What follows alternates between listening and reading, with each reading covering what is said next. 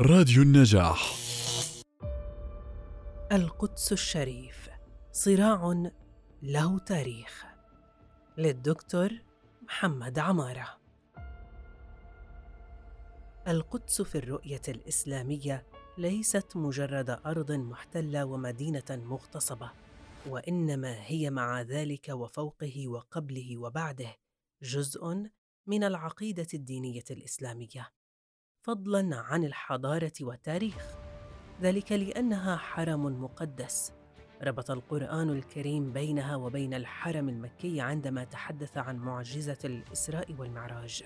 فهي في الدين والعقيدة أولى القبلتين وثالث الحرمين وحرمها مع الحرم المكي والحرم المدني يمثلون المساجد الثلاثة التي تنفرد بشد الرحال للصلاة فيها. ورباطها المقدس مع الحرم المكي هو الرمز المجسد لعقيدة وحدة الدين الإلهي الواحد عندما ارتبطت القبلة الخاتمة الحرم المكي بقبلة النبوات السابقة الحرم القدسي الشريف. ولقد كانت القدس الشريف على مر تاريخ الصراع بين الغرب الصليبي والشرق الإسلامي هي رمز هذا الصراع وهي بوابة الانتصارات. حتى إن الشاعر العماد الكاتب لخص هذه الحقيقة من حقائق استراتيجية هذا الصراع عندما قال لصلاح الدين الايوبي وهيجت للبيت المقدس لوعة يطول بها منه إليك المتشوقه هو البيت إن تفتحه والله فاعل فما بعده باب من الشام مغلقه ولقد حرص المسلمون عندما حرروا القدس سنة الخامس عشر هجريا و636 ميلادياً من الاستعمار الروماني الذي دام بضعة قرون على أن يكون اسمها عنواناً على قداستها وقدسيتها فسموها القدس والقدس الشريف والحرم القدسي الشريف. كما حرصوا بحكم إسلامهم الذي تفرد بالاعتراف بالآخرين عقائدهم ومقدساتهم على إشاعة قدسيتها بين كل أصحاب المقدسات. فجعلوها حرما مقدسا وقدسيا لكل أصحاب الديانات السماوية. حتى لقد كانت السلطة الإسلامية هي الضمان لمصلحة الجميع فلم تحتكرها للإسلام كما احتكرها الرومان لوثنيتهم عندما كانوا وثنيين ولمذهبهم النصراني عندما تنصروا وكما احتكرها الصليبيون الكاثوليك ابان الاحتلال الصليبي وكما يحتكرها اليهود ويهودونها هذه الأيام. لقد تفردت العقيدة الإسلامية وتميزت وامتازت بالاعتراف بالآخرين وبحماية مقدساتهم انطلاقا من تعهد رسول الله صلى الله عليه وآله وسلم للنصارى في عهده مع نصارى نجران سنة العاشر هجريا و631 ميلاديا بحمايتهم وحماية مقدساتهم إذ جاء في رسالته إليهم وأن أحمي جانبهم وأذب عنهم وعن كنائسهم وبياعهم وبيوت صلواتهم ومواضع الرهبان ومواطن السياح حيث كانوا وأن أحرس ملتهم ودينهم ايا كانوا بما أحفظ به نفسي وخاصتي وأهل الإسلام من ملتي. ومن ثم أشاع الإسلام والمسلمون قدسية القدس بين كل أصحاب المقدسات فلقد كانت الأساطير النصرانية الغربية أو اليهودية هي المنطلق لغزو القدس ولاحتكارها بالإبادة والمجازر التي تقشعر منها الأبدان. فأساطير التعصب الصليبي هي التي دفعت البابا الذهبي أوربان الثاني لتغليف الأطماع الاستعمارية بالأساطير اللاهوتية. فخطب في أمراء الإقطاع الأوروبيين في مدينة كليرمونت بجنوب فرنسا سنة 1095 للميلاد مفتتحا قرنين من الحروب الصليبية في الفترة 489 إلى 690 هجرياً 1096 إلى 1291 ميلادياً ضد الإسلام وأمته وحضارته. فقال: يا من كنتم لصوصا كونوا اليوم جنودا. لقد آن الزمان الذي فيه تحولون ضد الإسلام تلك الأسلحة التي أنتم لحد الآن تستخدمونها بعضكم ضد بعض. فالحرب المقدسة المعتمدة الآن هي في حق الله عينه وليست هي لاكتساب مدينة واحدة بل هي أقاليم آسيا بجملتها مع غناها وخزائنها عديمة الإحصاء.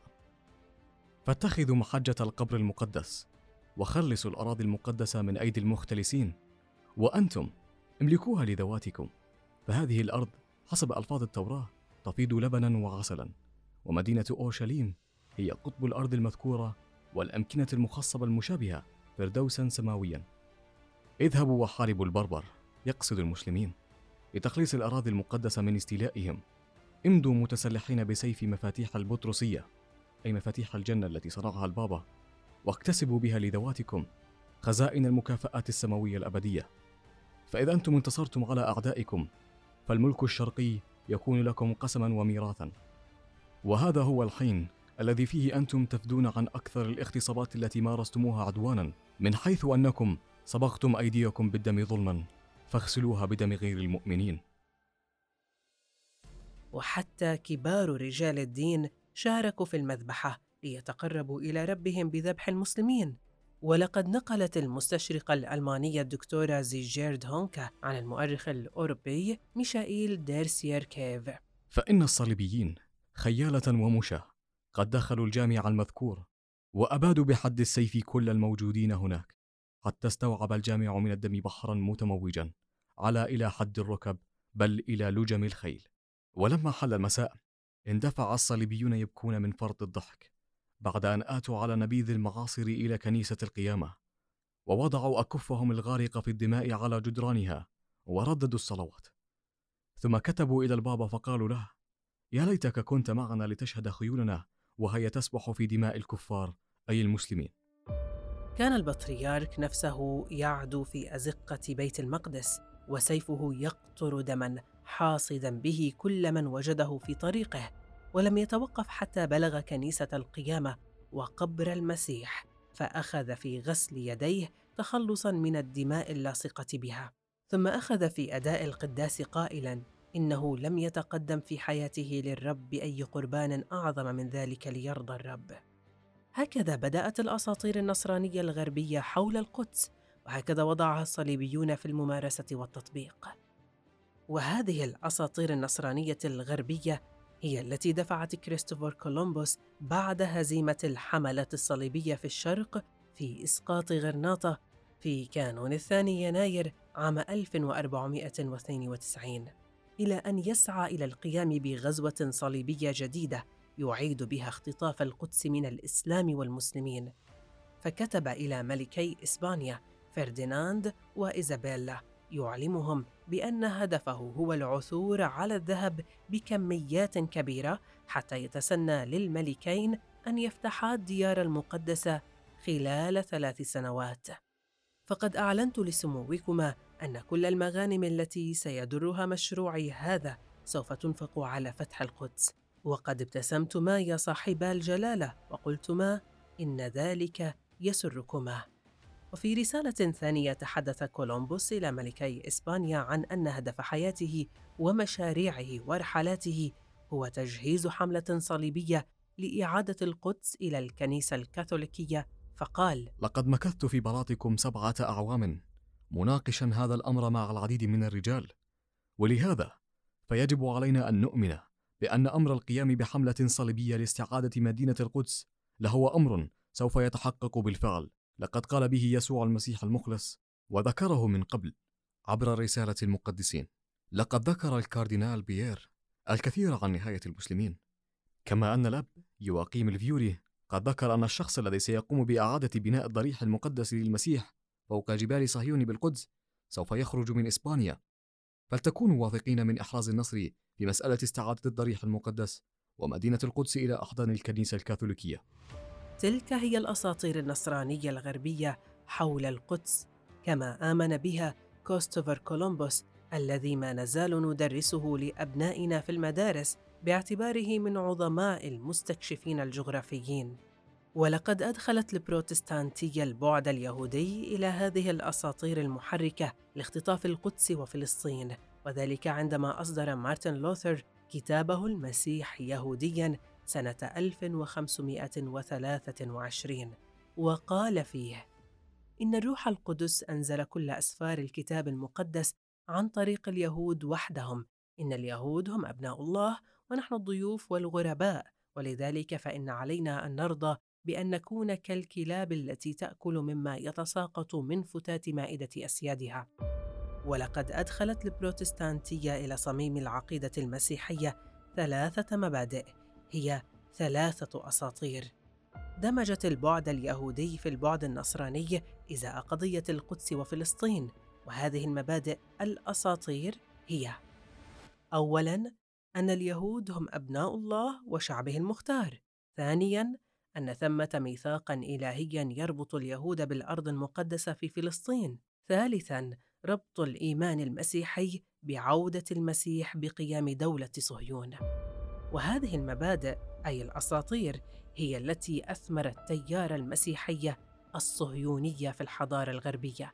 ذلك التيار الذي استغلته الحركة الصهيونية في شراكتها مع الإمبريالية الغربية، والذي قال عنه بنيامين نتنياهو عندما كان سفيرا للكيان الصهيوني في الأمم المتحدة في خطابه أمام الجمعية العامة في شباط فبراير عام 1985 إن كتابات المسيحيين الصهيونيين من الإنجليز والأمريكان أثرت بصورة مباشرة على تفكير قادة تاريخيين مثل لويد جورج وآرثر بالفور وويدرو وولسون في مطلع القرن العشرين إن حلم اللقاء العظيم عودة المسيح أضاء شعلة خيال هؤلاء الرجال الذين لعبوا دورا رئيسيا في إرساء القواعد السياسية والدولية لإحياء الدولة اليهودية.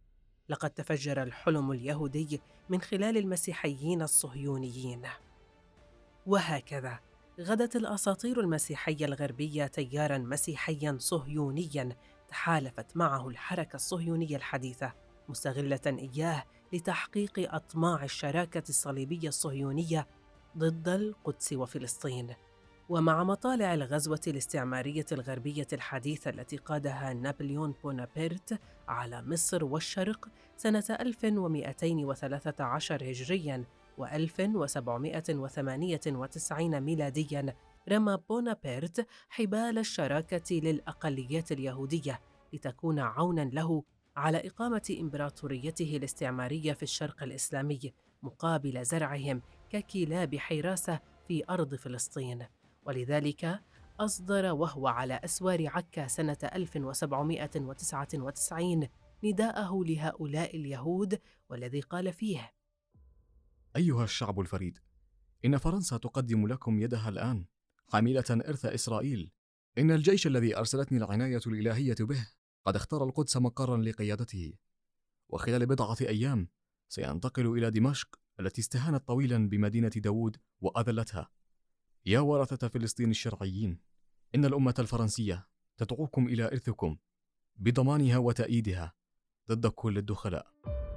وبعد هزيمة بونابرت وتبخر أحلامه الاستعمارية في لهيب الثورات المصرية وحرارة تضحياتها تسلم الاستعمار الإنجليزي قيادة المشروع الغربي لاستعمار الشرق الإسلامي واختطاف القدس مغلفا تلك الأطماع الإمبريالية بالأساطير الدينية والأوهام اللاهوتية التي استخدمت بمثابة العقيدة القتالية في الصراع التاريخي بين الغرب والإسلام.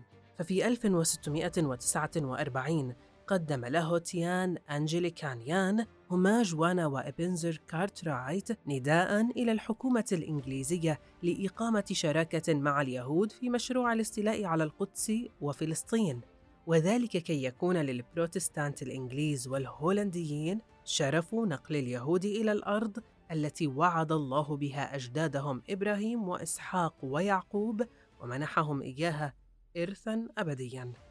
في سنة 1938 أنشأت إنجلترا أول قنصلية إنجليزية في القدس وعينت قسيساً بروتستانتياً نائباً لقنصلها فيها.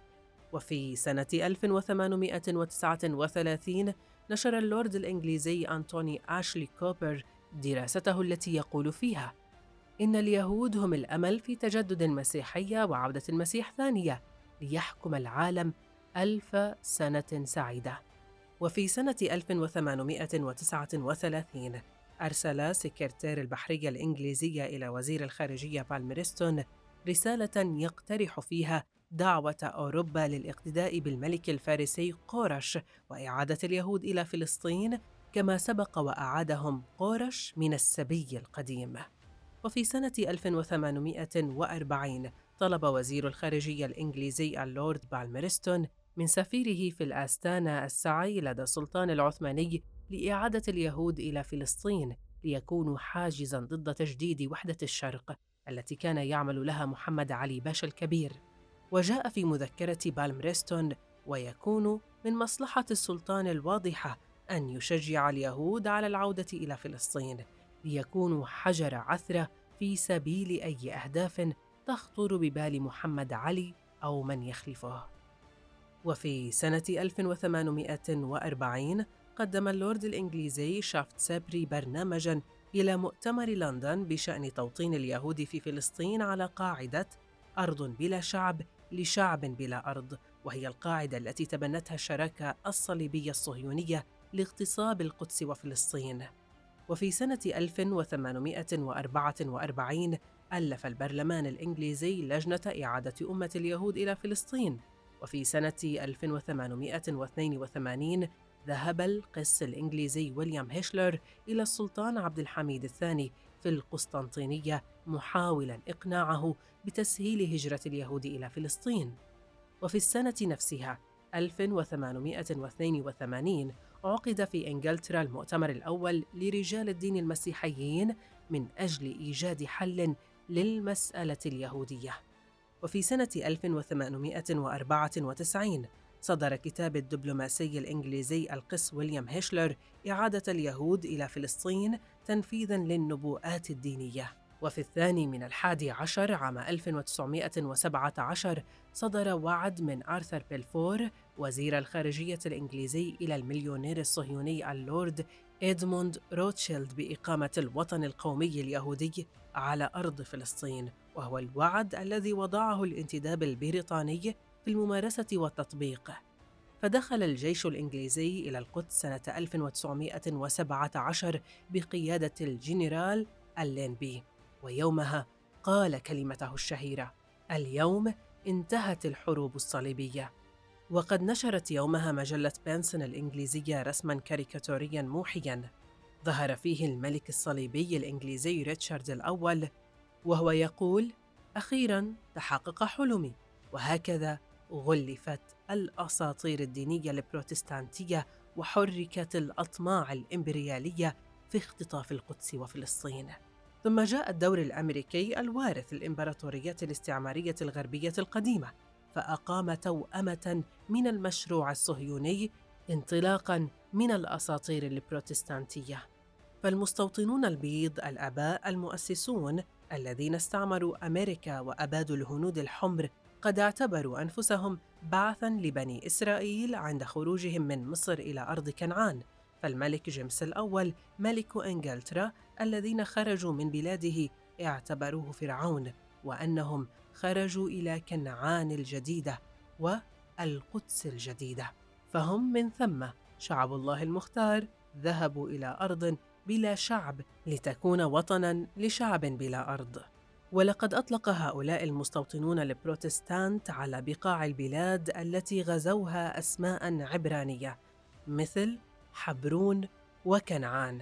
كما أطلقوا على مواليدهم أسماء عبرانية مثل أبراهام وسارة والعازر وفرضوا تعليم اللغة العبرية في مدارسهم وجامعاتهم حتى إن أول دكتوراه منحتها جامعة هارفارد سنة 1642 كان عنوانها العبرية هي اللغة الأم وأول كتاب صدر في أمريكا هو سفر المزامير.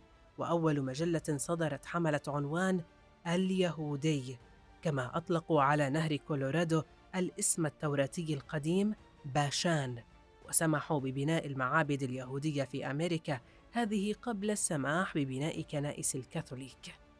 وهكذا تمت توأمة أمريكا مع بني إسرائيل وتأسست الدولة الداعمة للإحياء اليهودي والصهيوني في القدس وفلسطين. ولقد تشكلت في هذا المناخ وبين الأمريكان الذين سموا أنفسهم أطفال إسرائيل أساطير المسيحية الصهيونية التي تؤمن بأن مجيء المسيح يجب أن ينتظر عودة الدولة اليهودية. ومن ثم عملوا على ذلك منذ فجر تأسيسهم لهذا البلد أمريكا. ولقد تبنى القس الأمريكي جوزيف سميث مؤسس الكنيسة المورومونية نظرية البعث اليهودي في فلسطين. ولحق به كوكبة من ألمع اللاهوتيين الإنجيليين من مثل سايروس سكوفيلد وويليام بلاكستون ووردر كريسون والذين عملوا على بناء المستوطنات اليهودية في أرض فلسطين. كما أنشأ بلاكستون البعثة العبرية من أجل إسرائيل المستمرة حتى الآن باسم الزمالة اليسوعية الأمريكية والتي تمثل نواة جهاز الضغط اللوبي الصهيوني في أمريكا. وفي سنة 1818 طالب الرئيس الأمريكي جون آدمز باستعادة اليهود لفلسطين وإقامة حكومة يهودية مستقلة فيها. وفي سنة 1866 أرسلت البروتستانتية الأمريكية أولى البعثات الاستيطانية إلى أرض فلسطين يقودها القس آدم ومعه 150 قسيساً أمريكياً وفي السنة التالية 1867 قامت على أرض فلسطين أولى المستوطنات الأمريكية بمشاركة سبعين شخصية دينية من المسيحيين الصهاينة. وفي سنة 1878 قام القس الأمريكي ويليام بلاكستون بالتنظير اللاهوتي للمسيحية الصهيونية والاغتصاب القدس وفلسطين. وذلك في كتابه المسيح آت وهو الكتاب الذي ترجم إلى أربعين لغة وأصبح الأكثر انتشاراً في القرن التاسع عشر ميلادي بعد الكتاب المقدس. وعندما زار بلاكستون فلسطين سنة 1888 رفع شعار أرض بلا شعب لشعب بلا أرض وذلك قبل تسع سنوات من انعقاد المؤتمر الصهيوني الأول. وقبل تأليف تيودور هيرتلز لكتابه الدولة اليهودية سنة 1896 أي أن المسيحية الصهيونية البروتستانتية هي التي ابتدأت التسويق للمشروع الصهيوني على أرض فلسطين حتى قبل أن يتبناه اليهود.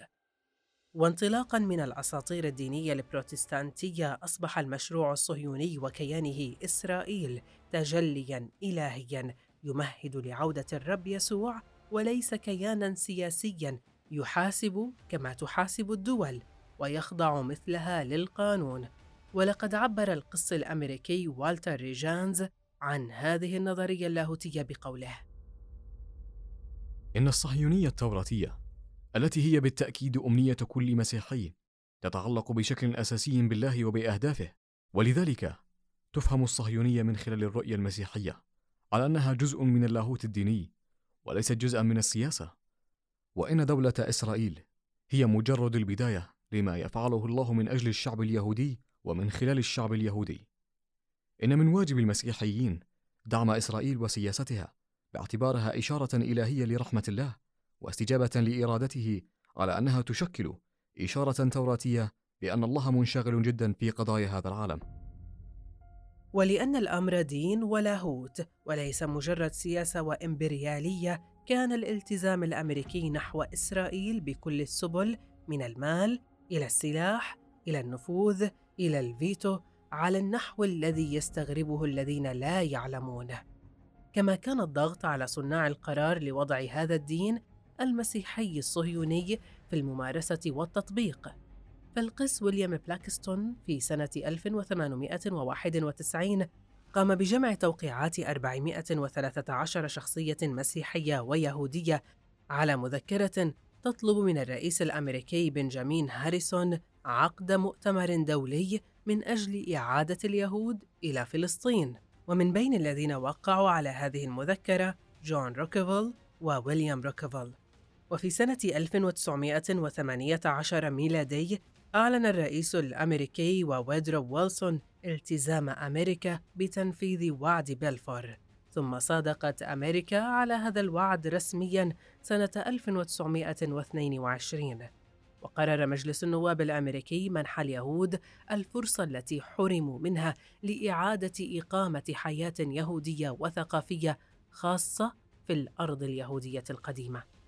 وفي إدارة الرئيس الأمريكي تيودور روزفلت أصبح اليهود الذين يشكلون أقل من 3% من سكان أمريكا يسيطرون على 15% من المناصب القيادية القابضة على المواقع الحساسة في الدولة الأمريكية. وأصبحت الصهيونية المسيحية أو المسيحية الصهيونية العقيدة المحركة للقيادات الأمريكية. والرئيس الأمريكي جيمي كارتر الذي يعتنق عقيدة الولادة الثانية. يعترف بأن مشاعره المؤيدة للصهيونية كانت الموجه لسياسته الشرق أوسطية وقد قال في خطاب الأول من أيار مايو 1978 إن العودة إلى أرض التوراة التي أخرج منها اليهود منذ مئات السنين وإن إقامة الأمة الإسرائيلية في أرضها هو تحقيق لنبوءة توراتية وهي تشكل جوهر هذه النبوءة. ويقرر الكونغرس الأمريكي في الرابع والعشرين من تشرين الأول 1995 اعتبار القدس عاصمة أبدية لإسرائيل لأنها كما يقول الوطن الروحي لليهودية. وشرعت الحكومة الأمريكية بعد هذا القرار في بناء سفارتها بالقدس على أرض مملوكة للوقف الخيري الإسلامي. وحتى الغزو الأمريكي للعراق في آذار مارس 2003 يعتبره الرئيس الأمريكي جورج بوش الإبن حربا مقدسة عادت بمقاييس القديس أغسطين والقديس توما الإكويني. وهي للقضاء على صدام حسين نبوخذ نصر ببابل الذي يهدد إسرائيل ويعرقل عودة المسيح. وفي هذا التنظير المسيحي الصهيوني يقول القس الأمريكي ديفيد بريكز إننا نعرف أن تدمير بابل الذي ورد في الإصحاح الثامن عشر يعني تدمير العراق. كما يقول القس تشارلز داير أستاذ اللاهوت في جامعة دالاس إن إصحاح إشعيا الثالث عشر يشير إلى قيام صدام حسين وإلى غزوه للكويت وذلك لإقامة قاعدة للهجوم على إسرائيل. فصدام هو خليفة نبوخذ نصر الذي هزم الإسرائيليين وسباهم إلى بابل ودمر الهيكل. وذلك بسبب عداء صدام لإسرائيل وبسبب نواياه لإعادة بناء بابل. وهكذا نظرت الأساطير المسيحية الصهيونية لدمار العراق على يد بوش الإبن دمارا فاق ما صنعه هولاكو القديم. وفي نيسان أبريل 2004 يعطي بوش الإبن لإرييل شارون رئيس الوزراء الإسرائيلي رسالة الضمانات التي تحرم اللاجئين الفلسطينيين من حق العودة الذي قررته الشرعية الدولية بالقرار 194 وهي الرسالة التي تفوقت على وعد بيلفور سنة 1917 إذ حرمت الفلسطينيين حتى من الحقوق المدنية والدينية التي نص عليها وعد بيلفور. وفي الذكرى الستين لقيام الكيان الصهيوني في أيار مايو 2008 يخطب بوش الإبن بالكنيسة الصهيوني خطابا توراتيا يقرر فيه أن إسرائيل ليست سبعة ملايين نسمة وإنما هي 307 ملايين نسمة لأن أمريكا هي جزء متمم لإسرائيل. كما يقرر يهودية الدولة العبرية أي التشريع لطرد العرب الذين يعيشون فيها. تلك هي الأساطير الدينية النصرانية الغربية المغلفة والمحركة للأهداف الاستعمارية الغربية من وراء استعمار الشرق ونهب ثرواته واختطاف القدس وفلسطين. أما عن الأساطير اليهودية التي تزعم أن لليهود حقوقاً في القدس وفلسطين فيكفي لتنفيذها ودحضها بالمنطق العقلاني والعقلانية المنطقية أن نقول إن اليهودية التي ينتسبون إليها هي شريعة موسى عليه السلام التي جاءت بها التوراة وموسى عليه السلام ولد ونشأ وبعث في مصر. ونزلت عليه التوراة في مصر باللغة الهيروغليفية. ثم مات ودفن في مصر قبل غزو بني إسرائيل لأرض كنعان فلسطين وقبل نشأة اللغة العبرية التي هي في الأصل لهجة كنعانية. فموسى عليه السلام لم يدخل فلسطين ولم ترى عينه القدس. ومن ثم فلا علاقة لليهودية وشريعة موسى بالقدس ولا بفلسطين. وإذا كانوا يقولون إنهم يصلون إلى القدس كما يصلي المسلمون إلى مكة فإننا نقول إن الصلاة إلى بلد لا تستدعي ولا تتطلب ولا تبرر الاستيلاء عليه فكل المسيحيين من كل الأقطار والقارات والقوميات يصلون إلى القدس دون أن يكون ذلك داعيا ولا مستلزما ولا مبررا لأن يخرجوا من بلادهم ويحتلوا القدس. وكل المسلمين من كل الأقطار والقارات والقوميات يصلون إلى مكة المكرمة دون أن يكون ذلك داعيا ولا مستلزما ولا مبررا لأن يحتل هؤلاء المسلمون الحرم الذي إليه يتوجهون. وإذا كان تفرد الإسلام بالاعتراف بكل الآخرين وحماية عقائدهم ومقدساتهم وإذا كان التاريخ الإسلامي في القدس قد طبق وجسد هذه الحقيقة فإن عروبة القدس وإسلاميتها هي الضمان لإشاعة قدسيتها لكل أصحاب المقدسات وللنأي بها عن الاحتكار من قبل أهل دين من الأديان. ولقد لخص هذه الحقيقة حقيقة إسلامية القدس وعروبتها الضامنة لإشاعة قدسيتها بين كل أصحاب المقدسات صلاح الدين الأيوبي الذي استرد أمانة عمر من الصليبيين وذلك عندما كتب إلى الملك الصليبي ريتشارد قلب الأسد فقال: القدس إرثنا كما هي إرثكم. من القدس عرج نبينا إلى السماء، وفي القدس تجتمع الملائكة. لا تفكر بأنه يمكن لنا أن نتخلى عنها كأمة مسلمة. أما بالنسبة إلى الأرض، فأن احتلالكم فيها كان شيئا عرضيا، وحدث لأن المسلمين الذين عاشوا في البلاد حينها كانوا ضعفاء، ولن يمكنكم الله أن تشيدوا حجرا واحدا في هذه الأرض طالما استمر الجهاد.